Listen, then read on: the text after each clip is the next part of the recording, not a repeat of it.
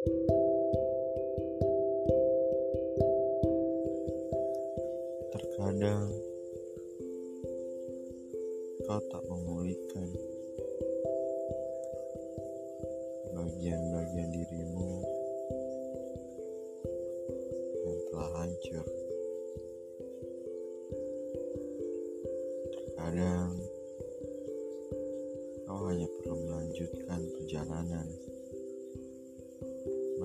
meninggalkan bagian-bagian itu. Lalu menciptakan bagian-bagian baru yang utuh dan lebih tangguh daripada dirimu.